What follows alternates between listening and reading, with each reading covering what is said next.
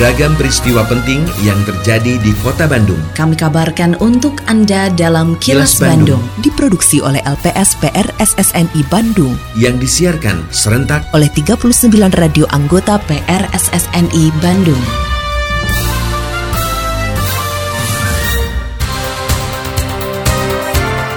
Sejumlah informasi aktual kami hadirkan untuk Anda dan inilah informasi utamanya.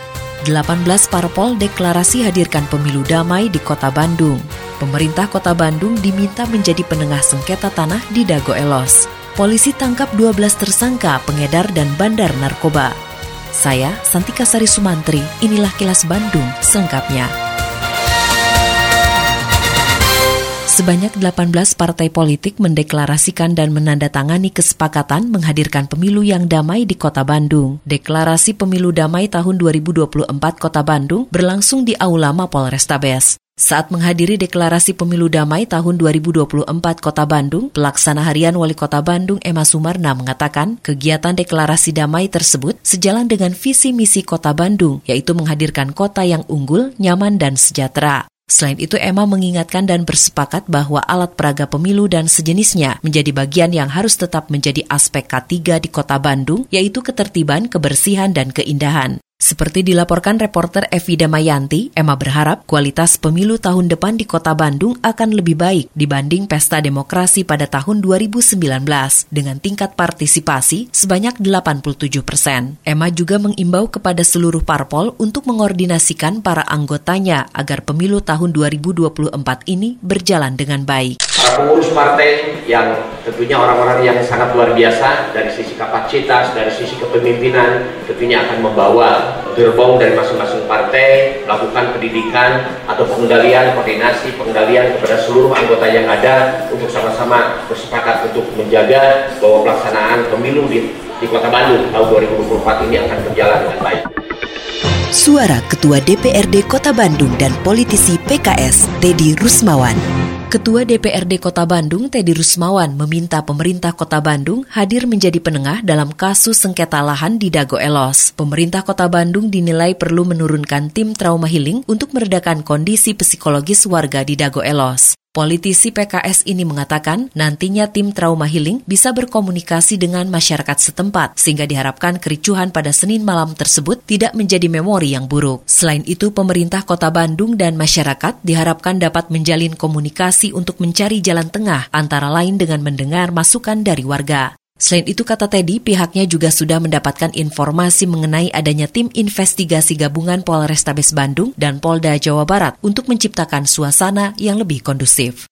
Kan gabungan dari Polda dan Polrestabes. Ya, mudah-mudahan ini apa namanya bisa menjernihkan suasana. Kemudian yang kedua, kita mendorong kepada pemerintah Kota Bandung untuk hadir di tengah-tengah masyarakat. Paling tidak menurunkan tim trauma healing gitu ya. Kalaupun ada hal-hal yang kemarin dikatakan mencekam dan lain sebagainya, kita mendorong Pemprov Kota Bandung untuk hadir masa mereka masyarakat dan melakukan komunikasi dengan warga di Dago Elos. Kemudian yang ketiganya mudah-mudahan ya terbangun komunikasi gitu ya eh, dari masyarakat.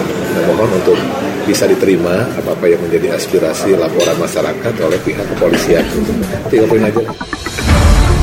Kini, audio podcast siaran Kilas Bandung dan berbagai informasi menarik lainnya bisa Anda akses di laman kilasbandungnews.com. Di era digitalisasi saat ini, masyarakat dapat memanfaatkan sistem penyimpanan komputasi data besar atau cloud. Selama ini sistem cloud yang digunakan masyarakat mayoritas merupakan produk luar negeri. Padahal menurut Direktur Utama BUMN PT Inti, Edi Wicara, sistem cloud tersebut bisa menggunakan produk dalam negeri, seperti halnya Inti Cloud yang dihasilkan oleh PT Inti. Inti Cloud merupakan satu dari 17 produk yang diluncurkan PT Inti di momen peringatan hari ulang tahun ke-78 kemerdekaan Republik Indonesia. Reporter Agustin Purnawan melaporkan, selain sistem cloud, masih banyak produk asli yang dihasilkan PT Inti, mulai dari perangkat keras, serta uga aplikasi dan perangkat lunak yang bisa digunakan oleh pemerintah daerah. Genuine produk kita, produk aslinya PT Inti. Ada laptop, ada CCTV, ada akses point WiFi gitu. Dan yang lain kita punya juga e-security. Ini untuk security sistem kita ya di negara kita ini kan masih cukup ada ruang lah bisa kita improve, kita lengkapin. Kita punya juga e-office atau SPBE kalau di pemerintahan itu juga kan kita punya produknya juga. Termasuk kita punya yang e taxation. Jadi bagaimana sistem solusi untuk tax khususnya di Pemda-Pemda nanti yang akan kita sentuh jadi sasaran kita.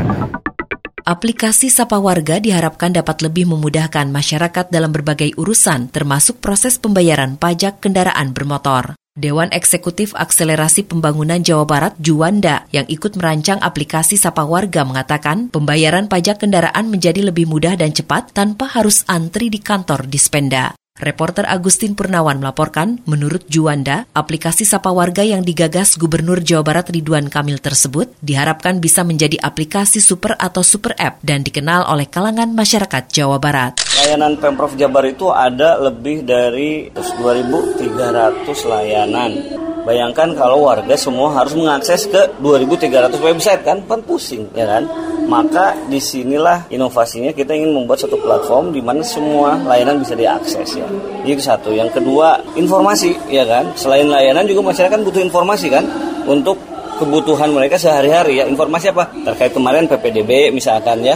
Informasi kalau ada bantuan maka terkait bantuan gitu. Yang ketiganya adalah kanal aspirasi. Gimana caranya antara pemerintah dan warga itu mudah gitu berinteraksi dan aksesnya mudah polisi berhasil mengungkap 9 kasus penyalahgunaan narkoba di wilayah hukum Kabupaten Bandung dengan 12 orang tersangka yang berperan sebagai pengedar dan bandar narkotika. Kapolresta Bandung Komisaris Besar Polisi Kusworo Wibowo mengatakan pengungkapan kasus tersebut merupakan hasil dari operasi anti narkotika atau operasi anti klodaya 2023. Reporter Yudi Dirgantara melaporkan dari tangan para tersangka, polisi menyita 6 paket ganja seberat 100 gram, 8 pohon ganja, 65 paket sabu seberat 25 gram, 73 gram ganja sintetis, dan 19 ribu butir lebih obat keras dari berbagai merek. Polresta Bandung menggelar operasi antik Lodaya 2023 ini, kita berhasil menjaring 9 kasus dengan 12 tersangka. Dan latar belakangnya macam-macam, ada yang buruh, ada yang penjahit, ada yang tidak bekerja, pekerja, ada yang karyawan.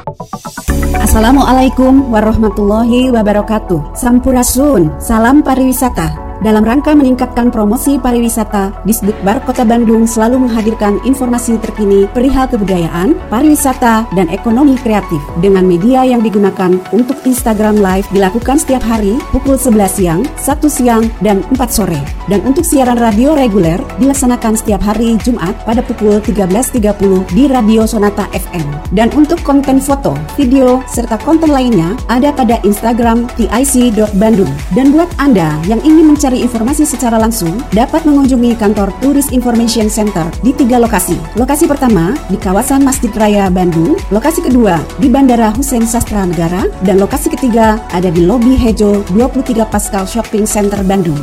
Mari dukung kemajuan pariwisata di Kota Bandung dengan follow Instagram tic.bandung. Hatur nuhun. Wassalamualaikum warahmatullahi wabarakatuh. Tetap jaga kesehatan diri dan keluarga dengan terus menerapkan perilaku hidup bersih dan sehat meski pemerintah sudah menetapkan status pandemi COVID-19 di Indonesia berakhir dan mengubah COVID-19 menjadi penyakit endemi di Indonesia.